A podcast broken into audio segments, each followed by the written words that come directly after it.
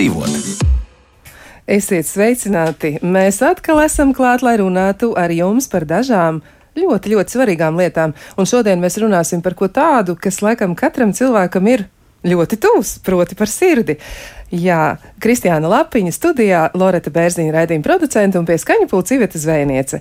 Un vēl, vai jūs zinājāt, ka vaļas sirds, kā izrādās, sver apmēram 900 kg? Nu, ir savulaik izdevies to nosvērt, bet, nu, laikam šobrīd jau var teikt, vaļa jāliek mierā, lai viņi visi ar savu lielo sirdi turpina um, būt okeānā, un mums laikam par viņiem īpaši pat nebūtu jāraizēs, tikai jāļauj viņiem dzīvot. Savukārt mums pašiem ir par sevi jāpadomā un jāpadomā arī par savu sirdi. Un šodien vairāk mēs tieši tieši kā reiz gribētu runāt par dāmu sirdīm, jo, nu, mēdz arī tā teikt, ka sievietes ir tāds ļoti sirsnīgs būtnes, jā, mēģināsim šodien izpētīt, kā tad ir ar sieviešu sirds veselību, un klausītājs arī aicinām noteikti iesaistīties raidījumā, tajā nozīmē, ka jūs varat sūtīt savus jautājumus, noteikti arī mēģiniet mums piezvanīt. Un pieteikšu uzreiz arī viesus. Pie mums šodien ir Go Red for Women kustības vēstnes Latvijā kardioloģa profesora Rivita Mintāla. Sveicināt! Labrīt!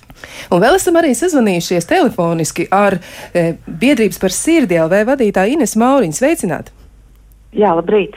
Nu, lūk, un es gribētu pirmo jautājumu uzdot tieši kā reizē Inesai Mauriņai. Sāksim varbūt ar jums un uh, izstāstiet, nu, par ko tad tas viss ir. Kāpēc mums ir sirdslietu nedēļa? Nu, ko tad tas nozīmē, jo tas tiešām ir tas notikums, ko es arī gribētu pieteikt. Jā.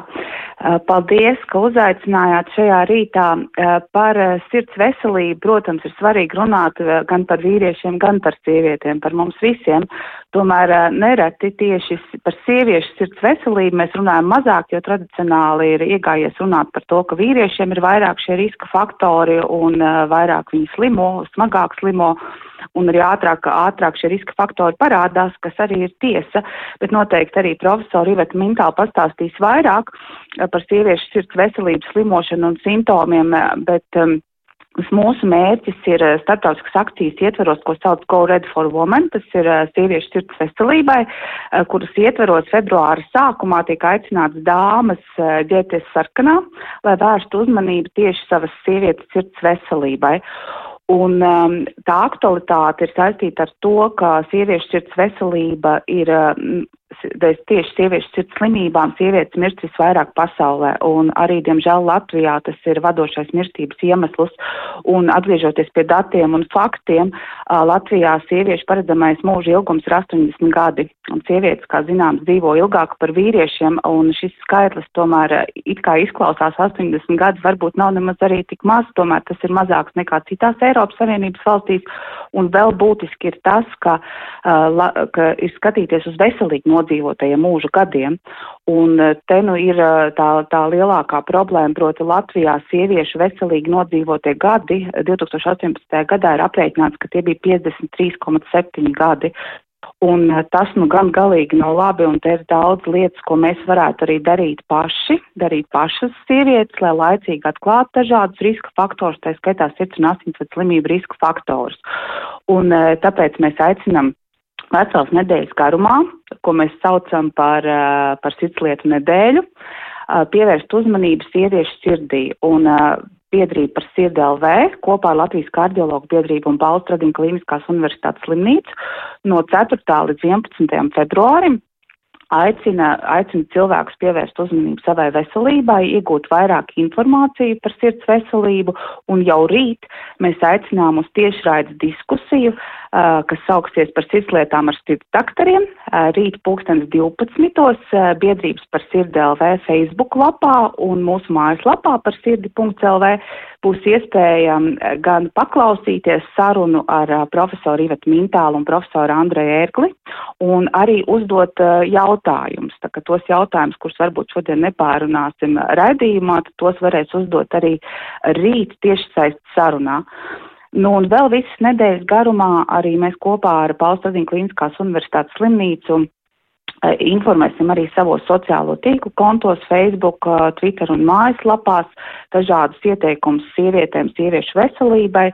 Būs iespēja saņemt arī informatīvos materiālus eh, Stradiņas slimnīcas jaunā korpusa reģistratūrā par sirds veselību. Tā skaitā varēs saņemt arī profesors Ivetas Mintāls ieteikumus veselīgam uzturam un arī recepts, ko doktori iesaka, par ko jūs noteikti arī šodien parunāsiet raidījumā.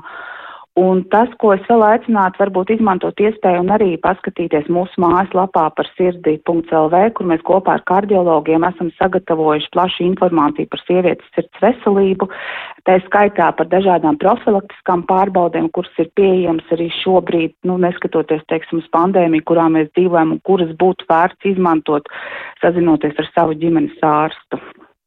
Jā, tāda ļoti apjomīga informācija, ļoti noderīga. Varbūt arī var vēl, vēlreiz atgādināt, kur tad var laicīgi iesūtīt jautājumus, jo uh, arī tas varbūt ir jāizdara jau šobrīd. Nu, rīt var arī sanākt tā, ka kāds domā par to, varbūt atceras par vēlu, ja, un tad uh, varbūt jau var laicīgi apdomāties, kas ir tas, ko gribas pajautāt.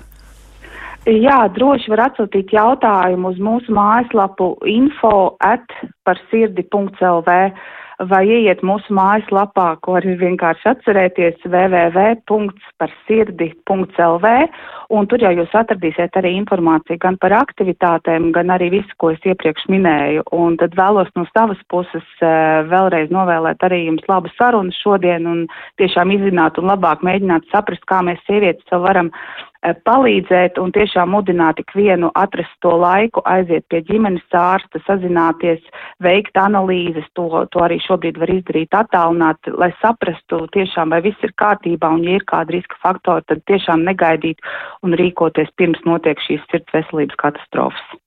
Jā, tas patiešām ir jādara, un ir arī tādi diezgan biedējoši dati, godīgi sakot, par to, kā tas viss izskatās, jo dāmām ar to veselību, nu, ir tā, kā ir. Un te es gribu sarunā iesaistīt arī profesoru Ivetu Mintālu un apjautāties, nu, kas ir tie dati, kas liecina par to, ka viss nav tik vienkārši. Ja? Mēs domājam tiešām, ka vīriešiem vairāk tradicionāli ir sirds problēmas. Mēs piedēvējam to, ka viņiem tā varētu būt, bet izrādās tomēr, ka sievietēm arī ir nu, lietas, par ko ir jāraizējās.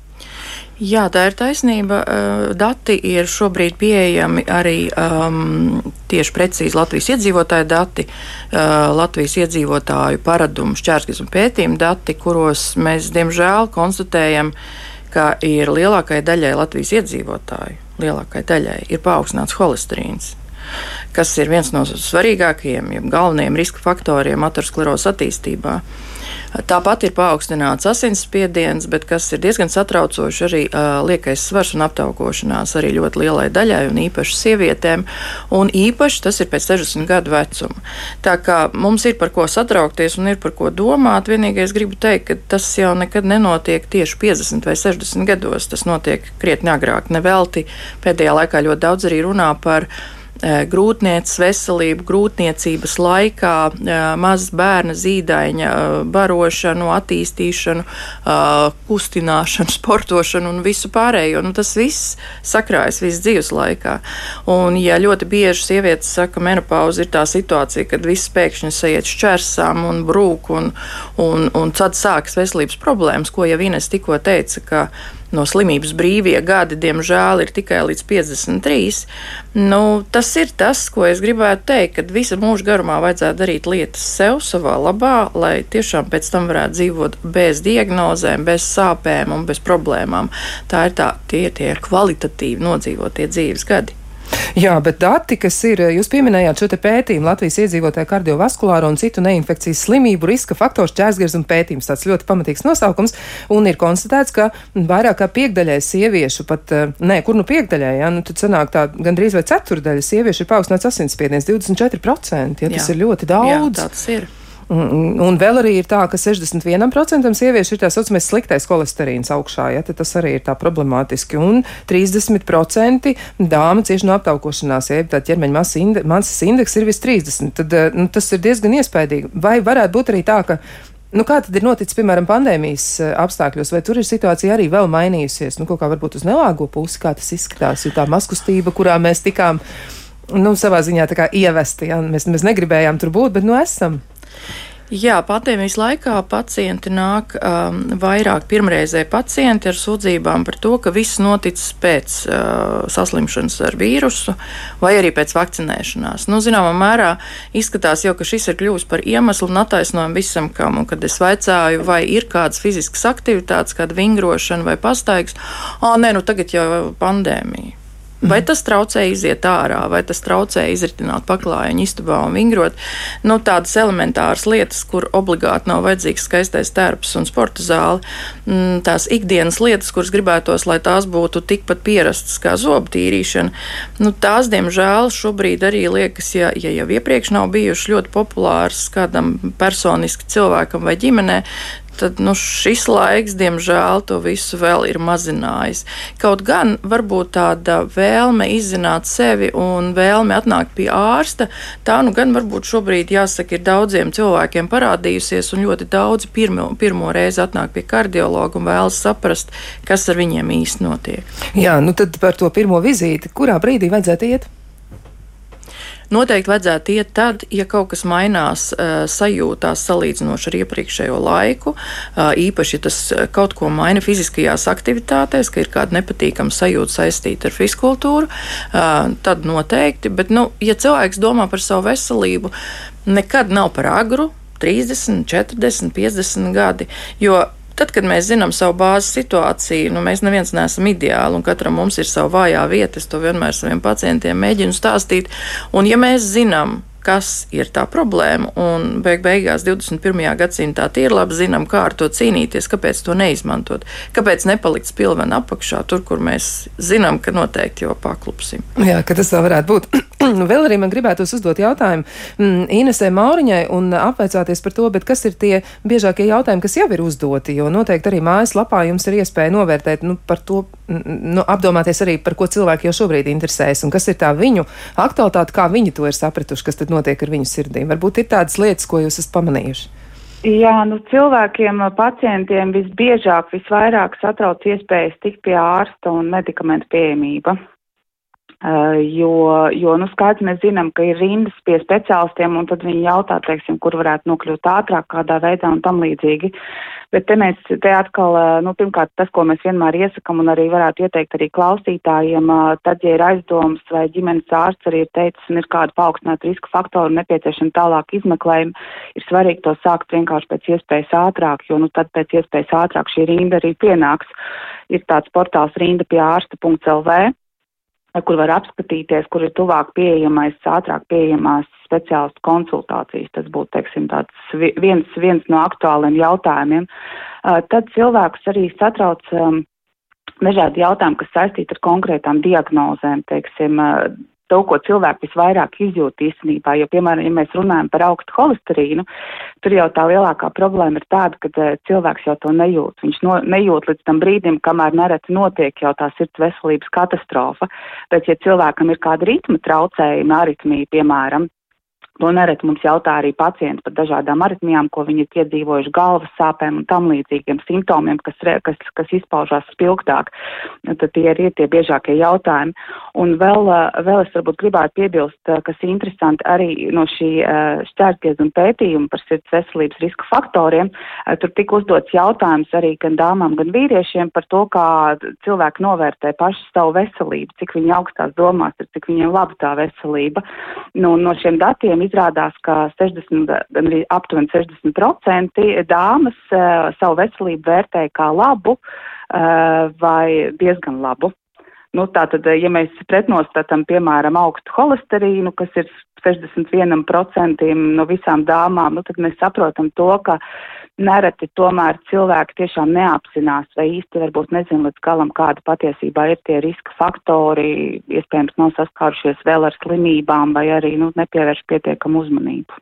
Tā tas izskatās, jā, nu 53 gadi veselīgas dzīves, un tad tas atlikums, kas ir, ka tas ir tāds, nu, dažādu problēmu apēnots, tas laikam nav tas jaukākais, ko mēs gribētu piedzīvot. Nu, tad mm, jautājums profesorai Mintālē, kas tad ir tie rādītāji un kādiem viņiem ir jābūt normā, ja kam mums ir jāpievērš uzmanība. Un, e, nu, kad, nu, protams, ka vislabākais mirklis droši vien ir vienkārši, tad, ja man nekas nekaiš, es aizēju pie ārsta un noskaidroju, kā tad ir ar mani un pārliecinos, ka ar mani viss ir lieliski. Bet, ja nu gadījumā tomēr, tad kam ir jāpievērš uzmanība? Kas ir tie indikātori? Nu, uzmanība noteikti ir jāpievērš pirmkārt uh, savai pašsajūtai, otrkārt būtu vēlams tomēr arī svaram, saprast, vai tas ir par daudz, vai tas jau drusciņi traucē ikdienas aktivitātēm, tad uh, es domāju, ka tā nav liela problēma arī kādreiz nokonstatēt savu asinsspiedienu, miera stāvoklī, precīzi izmērot. Uh, asinsspiedienam vajadzētu būt ap 120 uz 80 līdz 130 uh, neārstētam spiedienam. Uh, un tāpat vajadzētu noteikt arī holesterīna uh, un frakciju līmeņus. Uh, parasti mēs tomēr visvairāk skatāmies uz zemablījumu holesterīnu, jeb tā saucamo slikto holesterīnu, kas arī ir ārstēšanas mērķis, kad mēs uzsākam regulēt holesterīnu līmeni.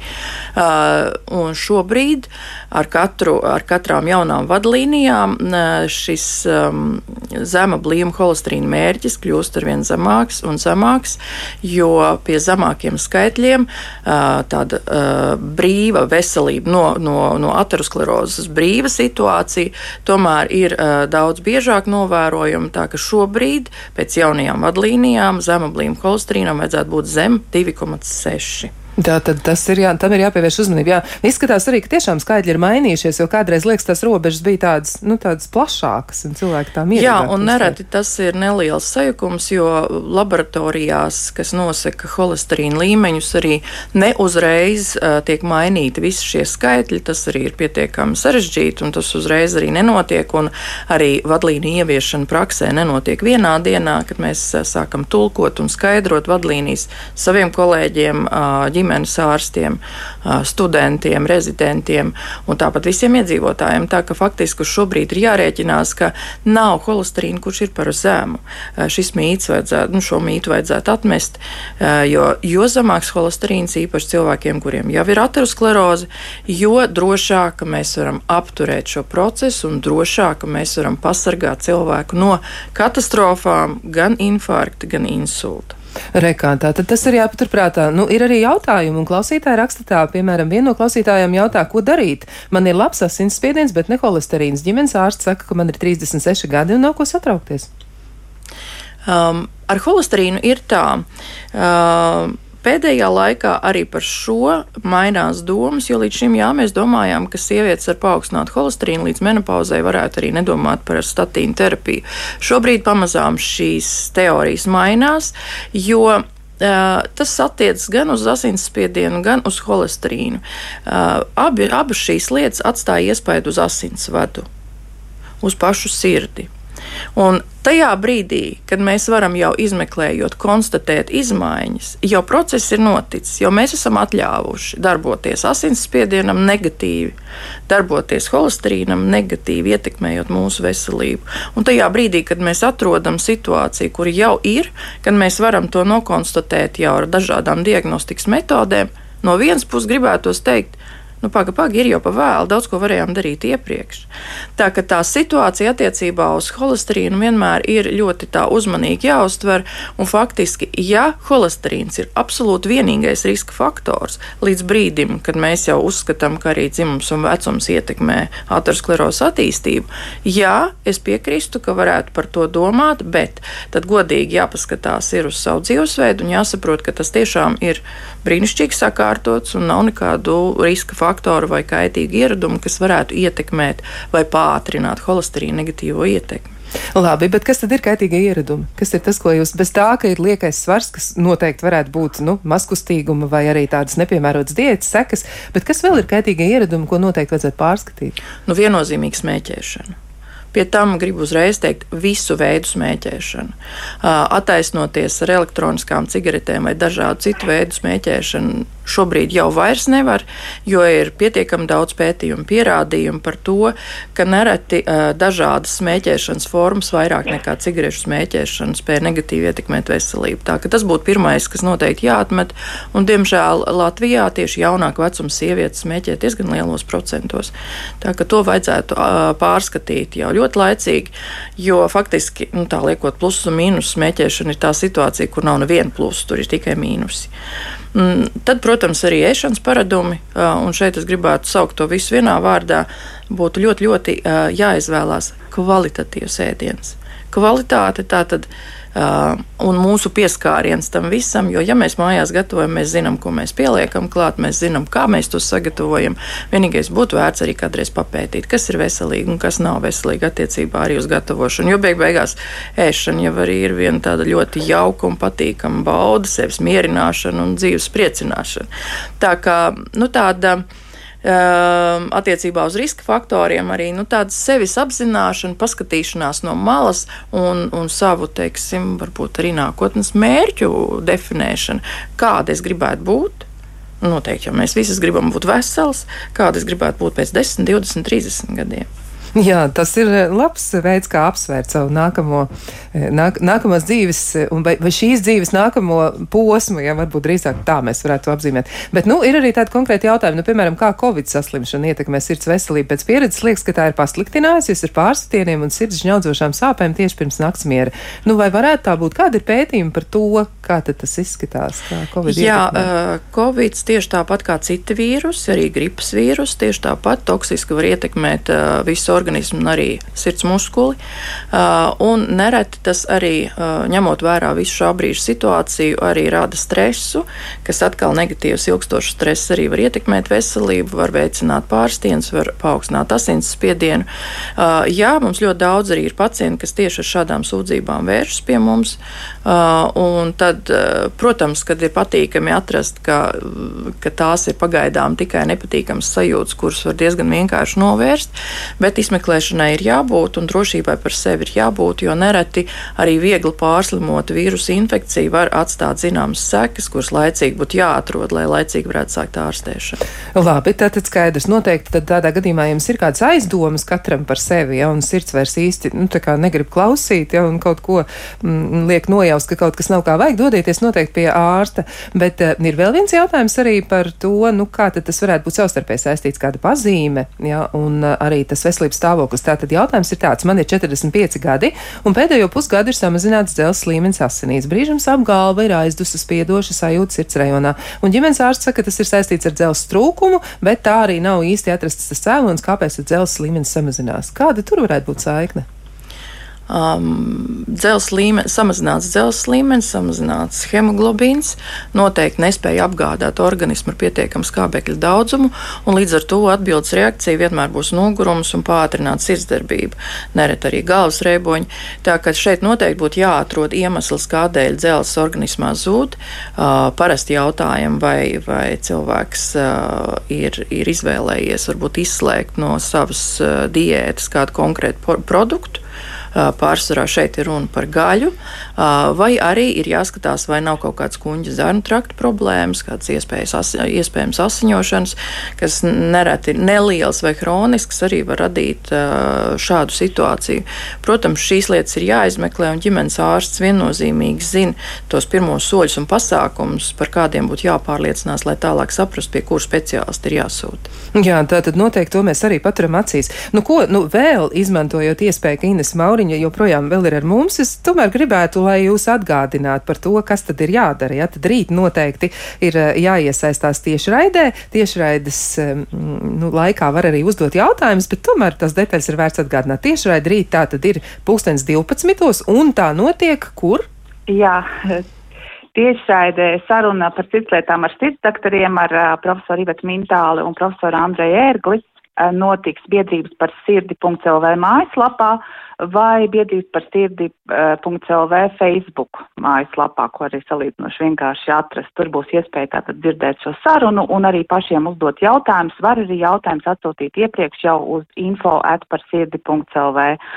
Un uh, visu nedēļu, jā, es aicinu sekot līdzi informācijai, kas būs gan uh, Pauls Tradiņa Kliniskās universitātes slimnīcas mājaslapā un sociālajos tīklos un biedrības par sirdi.lv mājaslapā un sociālajos tīklos par sievietes sirds veselību. Un arī ir iespēja, ja jums sanāk doties uz, uz Stradiņu slimnīcu, tad arī, arī saņemt informatīvos materiālus jaunajā korpusā reģistratūrā. Tātad arī tur var atrast visu informāciju. Nu, patiesi, man liekas, ļoti vienkārši jā, par sirdi.lv. Un, ja nu dāmām arī gribas piedalīties, nu tā morāli atbalstīt gan sevi, gan citas dāmas, nu noteikti var arī izmantot iespēju nu, uzvilkt kaut ko sarkanu. Profesor Mintāla arī noteikti. ļoti skaisti tērpusies šodien. rīt ir, gan šo, var jau vilkt šodien, bet rīt ir tā diena, kad arī pasaulē tiek atzīmēta šī Go Red diena, kad, kad, kad, kad dāmas tiek aicināts vilkt sarkanu. Tā var būt gan kleita, gan varbūt nagulaka vai kurpes vai kāds lakatiņš, bet, nu, lai vērstu uzmanību sieviešu sirds veselībai. Un to var darīt gan mājās, esot karantīnā, gan darbā vai mācībās, vai nu kur nu katram sanāk. Jā, ļoti jauki. Nu, tāda ļoti jauka solidarizēšanās. Un tiešām jācer, ka nu, jau šodien vai jau rīt mēs redzēsim arī dāmas Rīgā un arī visur citur Latvijā. Nu, mēs pamanīsim to sarkano krāsu, jo tas jau būs vēstījums ne tikai mums pašām sev, bet vēstījums vienai, nu, no vienas dāmas otrai, ja, ka nu, parūpējies par sevi, jo tavs sirds ir svarīga, tāpēc, ka svarīga esi tu pati. Nu, ko šajā brīdī es teikšu paldies Inesai Mauriņai un atgādināšu, ka viņa ir biedrības par sirdi. .lv vadītāja un noteikti izmantojiet iespēju iesaistīties tiešsaistes diskusijā, jo tiešām jūs varat tur nu, saņemt ļoti vērtīgus ieteikumus un uzdot arī savus jautājumus. Bet mēs sarunu par sirdi turpināsim pēc īsa brīža. Kā labāk dzīvot? Turpinām sarunu par sirdi, un šodien jau īpaši koncentrējamies uz sieviešu sirdīm un mēģinām saprast, kā tad palīdzēt dāmām nodzīvot pilnvērtīgu, ļoti garu, skaistu mūžu, kur neaizņem nevienu daļu raizes par sirdi, bet, nu, um, tiešām ir tāda jauka iespēja piedzīvot dzīvi visā pilnībā. Un atgādināšu arī, ka mūsu eksperts šodien, kas runā par sieviešu sirds veselību, ir kardioloģa profesora Riveta Mintāla, un vēl esam sazvanījušies arī ar vēl vienu viesi, kas, nu, droši vien jau jums uzreiz būs atpazīstams, un tas ir kardiologs profesors Andrēs Ērlis. Sveicināti! Labrīt! labrīt. Jā, nu ko, mums ir arī diezgan daudz jautājumu, un tie, tie jautājumi ir ļoti, ļoti dažādi, un es mēģināšu arī vismaz dažus no tiem, um, nu, tā kā likt jums priekšā, un tad arī noteikti jautāšu, e, kā jums liekas, kā to var atrisināt. Nu, tāds ļoti, ļoti konkrētas lietas, un, nu, piemēram, viena no klausītājiem uzdod šādu jautājumu, viņa saka, es esmu 64 gadus jauna, un tieši tā, man liekas, 64 gadi, tas jau nav nekāds vecums, vai ne? Jā, jā nebūtu. Jauns, nebūtu, nē, tieši tā. Un ar, ar lieku uzsvaru paaugstinātu holesterīnu regulēju statīniem. statīniem ja? Un tad ļoti aktīvi fiziski. Un e, vēl arī nu, klausītāji rakstā, ka mēs latvieši esam gardējuši tautu. Un vaina ir pie tā, ka pārāk sevi lutinām ar pārtiku. Un mans viedoklis ir, ka jāēd vienkāršāk pārtika. Nu, profesor Mintāli, jums arī ir savs viedoklis par to, kas varētu būt varbūt labākās izvēles. Varbūt jūs varat arī to pateikt, kā jums šķiet, nu, kas būtu jāņem vērā. Jā, ēdot. nu neiedziļinoties konkrētos produktos, jo nav tāda produkta, kurš varētu tā absolūti glābt un būt brīnuma līdzeklis. Tur ir tas stāsts, ka tie produkti sadraudzībā un kopā viens otrā labo darbību potencējot arī dod mums veselību. Bet patiesībā es gribētu teikt, ka vajadzētu atgriezties pie saknēm un pie vēstures un ievērot um, sezonalitāti, ievērot arī tos gada laikus, ievērot uh, produktu glabāšanu, jo Latvijā audzē brīnišķīgus produktus, dārzeņus, pākšaugus, garšaugus, kurus arī ļoti labi var saglabāt arī ziemā, kad ir saucamais tukšais laiks. Uh, bet katrā ziņā arī ņemt vērā to faktu, ka jo mazāk pārstrādāt produktu mēs paņemam un paši to arī apdarinam no visām pusēm. Kā, un, protams, jo labāk, jo, jo um, industriāli pārstrādāt pārtika, kas ir faktiski pilni veikali ar šo visu, mēs nekad nevaram būt pārliecināti ne par to, cik sens ir produkts, cik ļoti viņš ir pārstrādāts un vai vispār tas ir tas, kas ir rakstīts tur virsū, vai tas atbilst tam nosaukumam. Jā, nu tā, tas noteikti jāņem vērā. Un, uh, ir jau arī tādas, nu, nu, ir valsts un reģioni, kur ir vieglāka tā diēta kopumā. Nu, tur ir pieejami gan jūras produkti, gan arī varbūt cilvēki tiešām vairāk par to ir domājuši. Nu, es gribētu pastrīdēties par jūras produktiem. Mūsu centrālajā tirgu ir brīnišķīgi jūras produkti. Ļoti Jā. lētas cenas Baltijas jūras zivīm, un, un atliek tikai nedaudz pasmērēt rokas, notīrīt zivis, jo to, diemžēl, tur nedara, un likt viņus uz pannas. Ļoti nu, īsts gatavošanas laiks un brīnišķīgs baudījums. Nu, rekā, nu, tad, tomēr jau dzīvojam pie jūras arī mēs. Un, nu, varbūt, tad, varbūt tas magnēji jāatmet un, un jāķers arī pie gan arī varbūt citu valstu virtuves, bet tomēr paturot prātā to, ka jāņem tā veselīgā daļa. Nu, rekā, mums ir arī kāds zvans. Mēģināsim uzklausīt? Tā, mēs jūs dzirdam, lūdzu. Jā, labrīt. Es gribu pajautāt, man ir sirds mazspēja, man ir daudz gadu, 91. man ir sirds stimulators uz pulsu 60 noregulēts, tas viss būtu labi, bet kā pie, pie kaut ko padara, nokrīt spiediens ļoti, ļoti zemu. 95, 50, ko es varētu dzert, man ģimenes ārsts saka tikai malnot tēju, zāļu nav.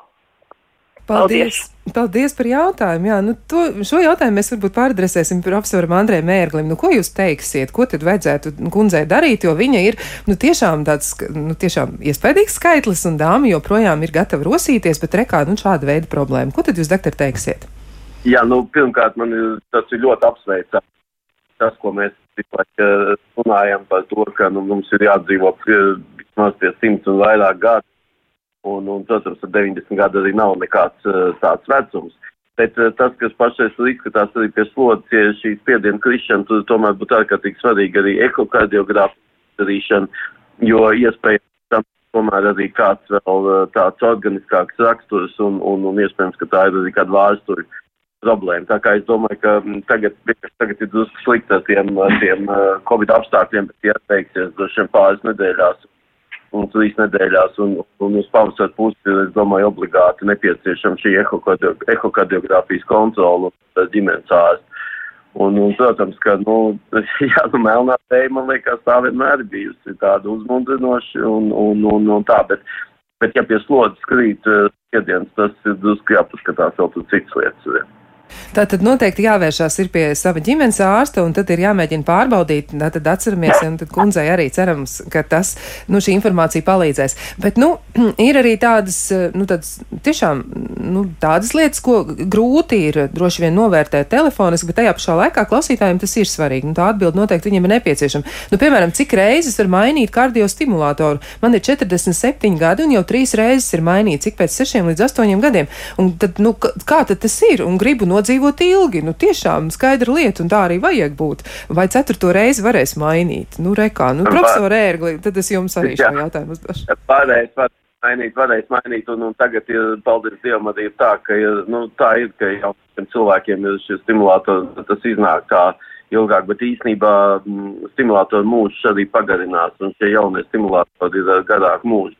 Un tur par to nav vispār pat ne, ne tikai jāuztrauc, tas obligāti ir jādara. Un, un, un, un ja stimulātors ir nepieciešams, tas ir, tas ir, tas ir jāmaina. Jā. Labi, tā ir laba ziņa. Tā tad skaidrs, to noteikti var darīt. Nu, rekā, nu, vēl arī jautājums, un šajā gadījumā būs eh, jautājums tieši profesorai Mintālai. Ja? Tad, um, labdien, līdzīgā jau iepriekšējā klausītāja ģimenes ārsts pēc analīžu pārskatīšanas par paaugstinātu holesterīnu, e, un kopējais ir nedaudz virs 5, zema blīvuma nedaudz virs 3 gadiem jau saka, ka pagaidām varu neuztraukties. Ja? Nu, tā tad Tā, tā saka. Nu, klausītāji to ir dzirdējis pats savām ausīm. Liekas, svars nav. Un kuras sporta nodarbs holesterīna pazemināšanai doktor Mintāli iesaka? Kardiotreniņi, joga, pilates. Ko tad jūs teiksiet par to fizisko aktivitāti, saliekot kopā šos skaitļus? Nu, kā tas varētu būt? Nu, par fizisko aktivitāti es gribētu iesākumā teikt, vispirms, vispirms tas ir jādara. Jāsāk kaut ko darīt. Būtu vēlams, lai tā fiziskā aktivitāte būtu tā, kas arī pašam patīk, jo uh, tas, kas nepatīk, tas nedarbojas. Sevi piespiest sakostiem zobiem, nu, tas īsti laikam nestrādās. Um, ir svarīgi gan dinamiski vingrinājumi, uh, kāda pakustēšanās, tā lai ir drusku slapja mugura, vislabākais garās pastaigas, vislētākais sporta veids. Uh, bet arī brīnišķīga lieta, ja var izvingroties uz paklājiņa, vai tā būtu joga vai pilates, ja patīk vienam pašam cilvēkam to darīt, vai kolektīvā, nu, diemžēl šobrīd tā varbūt ir apgrūtinātāka lieta. Bet izkustināt arī locītā gatavs izkustināt, arī izstiept visus muskuļus, muguru, kas vienmēr visiem ir simtprocentīga problēma, jo vienmēr visi ilgi sēžam un varbūt nepareizā pozā sēžam. Tā ka faktiski vispusīgi, tieši tāpat kā mēs runājam par vispusīgu ēšanu, tāpat arī visu, vispusīga fiskultūra, un tā, lai izkustās viss, gan sirds, gan locītavs, gan skriemeļi, visu, ko vien var, un tā, lai ir patīkami, un tā, lai pēc tam ir, ir patīkama sajūta, sev nenodarot arī pāri beig beigās. Tad šajā gadījumā varbūt tas, eh, tas veids, nu to var mēģināt saskaņot varbūt pat ar sporta ārstu, var arī var aprunāties ar savu kardiologu, noteikti var atrast to ideālo veidu, bet jūs iesakāt, ka ir jāsāk ar to, kas patīk pašam. Jā, un, un ir jāsāk. Un ir jāsāk, ir jāsāk jā. tad jāsaprot, kas patīk, un tad tik jādara. Jā, nu vēl ir arī komentārs, nu, vai akcija ir tikai kundzēm, arī kungi var piedalīties, jo dāmām bez kungiem šajā pasaulē būs vientuļi. Nu, skaidra lieta, ka arī kungi var piedalīties, un mēs bez jums nekā, nu tiešām nekā neiztiksim. Ne, jā. Pateikt, ka ne tikai, ne tikai var, bet vajag. Un tā vēl viena lieta ir tā, ko profesori Nintāli jau minēja, man arī liekas, ka ir ārkārtīgi svarīgi, ja mēs mainām tās sporta nodarbības, bet tur ir tas tāds, ka to dažreiz ir, ka cilvēki tad diezgan daudz zina, kas vienkārši kaut ko dara, bet tad aizmirst to, tos vingrojumus, jo, jo arī dārzā, darbs dārzā vai vēl kādās citās vietās tas īsti neat, kā saka, ne, nu, nevar to, to, to izlīdzināt un, un, un, un tur vajadzētu spēc to darīt. Vienīgais, kas jautājums, ka tas nedrīkst būt kampaņveidīgi, un tas mums ir visraksturīgāk, un tad tas nav īsti labi. To vajadzētu sākt pamazām, bet, bet galvenā lieta ir, lai tas būtu regulāri. Tā regularitāte tā ir tā lielākā nozīme. Jā, tātad tas ir būtiski. Mm, nu, vēl ir arī tāds jautājums, eh, ko uzdod viens no klausītājiem, kad Latvijā būs pie, pieejama vakcīna holesterīna pazemināšanai, kas šobrīd ir pieejama citās valstīs. Profesor Ērgli, kas tas tāds ir, par ko viņš, nu, par ko šis tā, klausītājs grib zināt? Latvija ir viena no četrām valstīm pasaulē, kurā pirmā tā bija um, pieejama, un, un, un īstenībā ir tāda, viņa jau nav, nu, viņa nav tāda tūkstotsprocentīga vakcīna, bet, uh, bet, uh, nu, savā ziņā tā ir tāda, ka viņa vēl komplementāri papildus vēl tām tiem medikamentiem, ko mēs lietojam, tā vēl vairāk var samazināt šo slikto zemu blīvumu holesterīnu. Un jāsaka tā, ka mēs, pirmkārt, jau nodarbojamies ar to pētniecību un, un, un, un, un, un arī nu, pēc būtības tā jau sāk kļūt pieejama, bet es tu tā vēl vienreiz, tas tomēr nav tā, ka mums ir viena šprice vai ne tā būs tā, kas pilnībā pasargās no visa, un tas varētu nākt klāt īpaši speciāli augsta riska pacientiem bet, bet, bet viss iepriekš minētais gan ēšana, gan dzīvesveids un viss tā pārējā lietā, jebkurā gadījumā paliks, paliks eh, tajā pamatā. Un tad klāt, protams, šīs lietas, uh, lietas bū, ir, jā, nu, diemžēl, protams, ka tas arī ir noteikti izmaksas un, un, un, un, un, un tas, uh, nu, tā vai tas uzreiz pilnīgi visiem. Es, es domāju, ka tas diezgan uh, nereāli, jā. Bet, bet, bet vēl vienreiz mūsu smagiem pacientiem ar iedzimtām īpaši hiperholstinēmijām un citām lietām tas noteikti palīdzēs. Un, protams, arī tie, kas to varētu atļauties, bet vēl vienreiz, vēl vienreiz Pagaidām tas nav tā, ka tā nav tāda brīnuma uh, nūjiņa, kas nu, noņem. Tas, ko visi tā kā vēlās, bet liekas, ka tā dzīve vispār jau pēc definīcijas nav tā iekārtot, ka jūs kādreiz varēsiet vienu tableti visu izārstēt, jo tas vienkārši man liekas, ka tas cilvēks dzimums aizies bojā tīri mentāli. Ja. Jā, tā varētu būt. Nu, rekā, nu, vēl arī klausītāji ļoti aktīvi zvana. Mēs mēģināsim vēl kādu zvanu, e, pacelt kādu klausuli. Jā, tā mēs esam izdarījuši. Nu, un tad mēs klausāmies. Jūs nu, sakiet, kas tas ir? Labdien! Cienījamās dāmas! Ir patīkami dzirdēt, ka jūs apkārt runājat. Bet vai jūs varat saprast, ka mazpilsētā nav pat ārsta, nav ģimenes ārsta vispār? Mēs, mēs esam pakļauti iznīcībai. Un lūk, mums vajadzētu dzirdēt to jums tādu padomu, kuru mēs varētu pielietot. Es saprotu, ka dārzumiem, es saprotu pa vingrošanu, bet es gribētu dzirdēt arī kaut ko tādu, kas varētu mums noderēt. Labi, jā, nu tā tad par to, kas varētu noderēt, mēs noteikti arī runāsim. Un tas, kas varētu noderēt, nu tad noteikti varētu noderēt vēl kaut kas, kam ir jāpievērš uzmanība. Un eh, viens no tiem aspektiem varētu būt arī pārmantojamība. Doktor Mintāli, kas ir tas, ko jūs par to teiksiet? Jo ir arī tā, ka ģimenē reizēm ir problēmas ar sirdi vairākās paudzēs, un varbūt tur ir kādi aspekti, kas ir jāņem vērā. Jā, um, tas arī skaitās riska faktors, īpaši, ja agrīnā vecumā tuviem radiniekiem ir notikusi katastrofa, miocarda infarkts vai insults. To mēs uzskatām par riska faktoru konkrētai personai, rēķinot desmit gadu risku tālāk uz priekšu. Uh, bet uh, nu, šī tēma noteikti ļoti patīk profesoram Ērglim. Uh, mēs jau pēc pēdējām, pēdējām, pēdējās pētniecības datiem arī labi zinām, ka mm, labus gēnus var diezgan veiksmīgi sabojāt sabojāt, un cilvēks ar sliktiem gēniem, darot visu savā labā un pieskatot savu dzīvesveidu, var eh, no slimības brīvo laiku krietni pagarināt un to slimību, iespējamo slimību attālināt un noteikti nepadarīt to sev grūtāk. Profesor Rēgli, jums noteikti ir kaut kas, ko piebilst. Ja? Nu, kā tad ir? Ne, ne visai labie gēni, un rekā es varu kaut ko darīt lietas labā un dzīvot laimīgu un ilgu mūžu.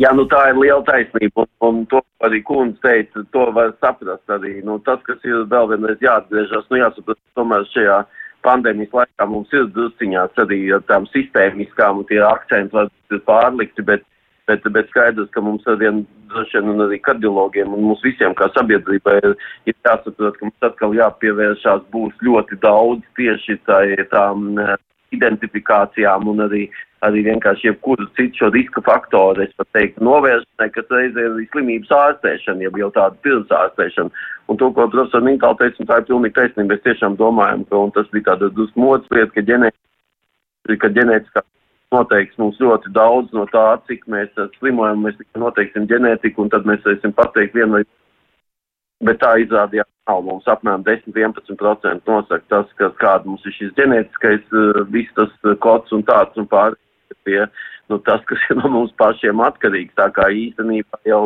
tā, to kārmu, ja sauciet kā to gribiet, kā, kā, kā katram, nu, no, vienkārši mēs paši veidojam. Un tas, laikam, ir tas nozīmīgākais. Savukārt, par ko kundze minēja par šiem ģimenes ārstiem un, un, un, un kardiologu konsultācijām, nu, tur visticamāk atkal būs jāpievēršās tai, tai lietai, jo nu, vienkārši ārsti tiešām aizņemt šo, šo, šo covid ārstēšanu un ģimenes ārsti pārslogot un, un, un, un, un visas tās lietas, bet, bet diemžēl, diemžēl nekur nekas nav tas, tā, tā cits augsts asinsspiediens, augsts puls, nerunājot par sāpēm, krūtis vienkārši nu pat arī bija ļoti jaunai sievietei tāds tas, tas gadījums, un, un, un, un to nedrīkst, nedrīkst, un nedrīkst vēlreiz nedrīkst. Vienalga, cik jūs tas ir mīļās dāmas tieši specifiski, jo tas ir mums, jo tas vienmēr liekas, ka tas neskar sievietes, arī jaunas sievietes. Diemžēl šīs uh, koronārās slimības, sirds slimības, uh, cerebrovaskulāras slimības vispārējais uh, var būt arī, arī, arī jaunām sievietēm. Un tas ir tas, kas ir jānoķer. Un, un, un, un to, to, to mums ir jādarbojas vēl un vēl. Un acīm redzot, tā vienmēr liekas, ka kā, atkal sākam stāstīt visu to no, no galva, cik var, bet īstenībā nu, tā paudze jau visu laiku mainās un mums visu laiku tas jārunā. Tā kā jums liels paldies arī par to. Tas gan par to jārunā visu laiku, un vai ir arī saistība, nu, piemēram, stresa faktoru klātbūtnē, jo ir tā, ka diezgan daudz klausītāju to atzīmē, viņi saka, ka, nu, ir arī, nu, tāds ārējais stress un ir veģetatīvā distonija, vai reizēm ir arī kādas panikas lēkmes kādreiz un asinsspiediens. Vienai no klausītājiem, kā viņi raksta, mēdz būt arī augšējais asinsspiediens 150 un apakšējais 90, ja, nu, tad interesants šķēre. Nu, kardiologiem noteikti būs tūliņ ko pateikt, ja, un viņi saka, ka viņi dzer dabisks novienošs līdzekļus, un vai šī asinsspiediena situācija situācija, vai tai ir jāmeklē arī kāds cits risinājums? Ja tas cēlonis ir zināms, viņi ir aizēs par to, kas notiek, bet ko tad varētu darīt, profesori, kā jums liekas? Jā, nu, tu, tas ir pirmkārt tas, ka tas fons nav ļoti labvēlīgs pašreiz, un šis stress un varbūt tāds negatīvs fons, tas ir absolūti normāls. Un to, man liekas, ir absolūti skaidrs jāatzīst, jo tā nav normāla situācija, kādā mēs pašreiz dzīvojam, ka cilvēki īsti nevar satikties, ka, ka bērniem ir, ir, ir, ir, ir, ir problēmas ar skolu, mums ir problēmas ar darbu. Tā, tā vienkārši tā ir, un tā, to, tas ir, pirmkārt, to tas ir jāatzīst, un, un tur mēs neko uzreiz tā nevaram ietekmēt, izņemot paši darīt visu, lai, lai, lai, lai atvieglot to dzīvi. Bet, 150, 90, nu, tas ir diezgan normāli tā, tāds spiediens, kas var būt, bet, diemžēl, ticamāk, uh, ka tā, tur ir tomēr ir jāmeklē, ir pirmkārt šī spiediena mērīšana kontrola, varbūt ir jāpamēra. Un otrs, es tomēr ieteiktu, tas neizskatās, ka tās ir tikai veģetatīvas lietas. Tur tomēr vajadzētu apskatīties, cik tas ir bieži un iespējams ir nepieciešama medikamentoza ārstēšana, ko arī nevajadzētu uztraukties, jo mūsdienu zāles nav tās, kas var noindēt. Tur tā ir tāda, ko tur būs ļoti, ļoti atkal uh, tā jāuzmanās, jo medikamenti īstenībā tie, lai palīdzētu un novērstu lietas, nevis lai kādu saslimdinātu, kur mēs te ar visām tām diskusijām par vakcīnām, daudzām citām lietām esam aizgājuši, varbūt dažreiz nepārāk pareizi virzienu. Jā, tā ir. Tā ir, kā jūs sakāt, un tad uh, ir skaidrs, ka cilvēkam noteikti vajadzētu cīkāk izpētīt, kas tas ir. Bet, uh, nu, vēl kāds jautājums, un to savukārt es pāradresēšu profesorai Mintālai. Nu, viena no klausītājiem raksta, ka viņai ir normāls svars, viņa ir tuvu 60 gadiem, tātad arī relatīvi jauna dāma. E, spiediens parasti ir 110 uz 80, analīzes normāls, bet holesterīns vienmēr ir paaugstināts. Viņa saka, viņa nesmēķē, bet, nu, ģimenes ārsts saka, ka tas varētu būt iedzimts, ja, un šis holesterīna līmenis, ka tas atspoguļo to, nu, to iedzimtības aspektu. Varbūt, ka jūs varat komentēt arī vēl maz drusciņu šo lietu. Jā, pārmantotība tieši holstrīna vielmaiņā, jā, tā varētu būt. Ir jāskatās, kādi ir šie skaitļi, un noteikti ir jāpārliecinās, vai tā nav ģimenes hiperholstrinēmija, jo tur ir uh, precīzas pazīmes, kas arī nosaka, apstiprina diagnozi.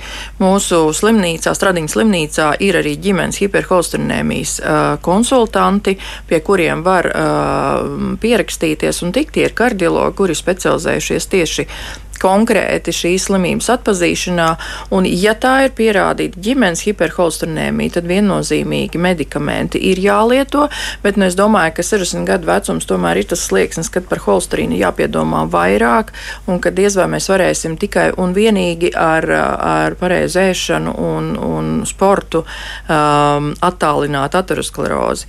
Mm, ir vairāk izmeklējumu, ko noteikti arī ģimenes ārsts var ieteikt, lai varētu uh, izmeklēt izvērtēties un saprast, vai nav jau konstatējama asimptomātiska ateroskleroze. Parasti tā ir kakla asinsvadu dupleks doplerogrāfija, paskatīties ar ultraskaņu, vai nav kāds aterosklerotisks plāksnes vai biezāka asinsvadu siena, kas uzreiz automātiski mums norāda absolūtu nepieciešamību uzsākt holesterīna ārstēšanai pie, piemērotus medikamentus.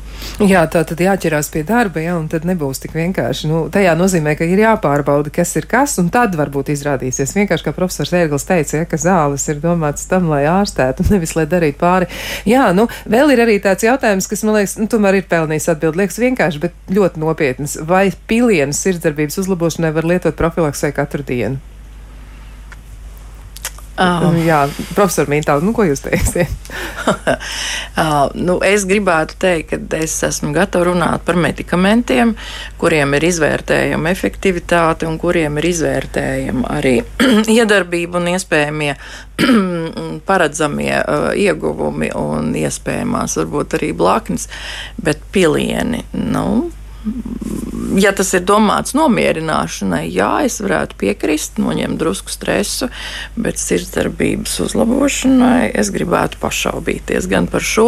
Es gribētu teikt, ka ir ļoti liela atšķirība starp uh, uzturbagātinātājiem, bezrecepšu uzturbagātinātājiem un medikamentiem. Uh, medikamenti vienmēr ir izvērtējami, precīzi dozējami un vienmēr ir ar konkrētu iedarbības vietu, uh, un tieši tādēļ ārsts nodarbojas ar šīm lietām, izvērtējot katram konkrētam pacientam vispiemērotāko atbilstošu viņa situācijai. Nu, par uzturbagātinātājiem, kurus var nopirkt jebkurš aptiekā, nu, tad ir jāsaprot, ka viņi, protams, varbūt nenodarīs sliktu, bet vai viņi dos to vēlamo efektu, kādu mēs gribam, nu, par to vēl ir jāpašaubās. Jā, nu ko, nu, pamazām mums saruna tuvojas beigām, mums izsīks laiks, un, un joprojām, protams, ir diezgan daudz klausītāju jautājumu. Nu, pēdējais jautājums, ko vēl varētu uzdot, un tad to es pāradresēšu profesoram Ērglim savukārt, nu, kā ir ar pulsa lēkāšanu, ja, jo daudz klausītāju, tiešām daudz klausītāju m, saka, ka pulss lēkā, nu, līdz pat 90 uzlec, un tad ir tā, ka ir 140 un atkal 40 lejā, nu, tāda ļoti, ļoti tāda izteikta atšķirība, tad varbūt īsu komentāru par šo, ko tādā situācijā vajadzētu darīt, kur vērsties. Jā, nu, tu, tas ir pilnīgi skaidrs, ka to ir jāsāk ar elektro, elektrokardiogrammas izdarīšanu, un tur, tur, nav, tur nav tādas īstas uh, vienkārši citas alternatīvas. Un, un īstenībā tas, tas varētu liecināt arī par kādām diezgan tādām nopietnām sirds vadīšanas problēmām, jo īpaši, ja pulks 140, tas tomēr nav tas, ar kādu vajadzētu dzīvot, un tam būtu jā, jāpievērš noteikti uzmanība. Tā kā tas ir sākumā ģimenes ārsts, pēc tam kardiologs, un kardiologs redzēs un kardiologu piešķirt to labi var pateikt, arī, vai tad ir vajadzīga specifiska aritmologa konsultācija. Piedāvājumi jāsaka, aritmoloģija tiešām, paldies Dievam, mums Latvijā pašreiz ļoti, ļoti iet uh, uz priekšu, un to nevajadzētu atstāt bez uzmanības. Jā, skaidrs. Tātad tad mums ir arī izēja no šīs situācijas, un mums ir iespējami risinājumi. Nu, ko, bet eh, šajā mirklī man jāsaka liels paldies eh, kardioloģijai profesorai Ivetai Mintālai un arī kardiologam profesoram Andrejam Mērglim. Bet savukārt klausītājiem, klausītājiem noteikti es gribu atgādināt, ka joprojām ir nu, aktuāla sirdslieta nedēļa sievietes sirds veselībai no 4. līdz 11. februārim. Un, ja jums gribas uzzināt vairāk, sameklējiet internetā vietni par sirdi.lv, un tad jums arī būs informācija. Un neaizmirstiet, rīt ir tiešsaistes seminārs, tā kā visu, kas uz sirds, visu arī jautājiet. Lai jums ir jauka šī diena, arī nākamā, un tad mēs tiksimies kādā citā reizē. Visu labu! Kā labāk dzīvot?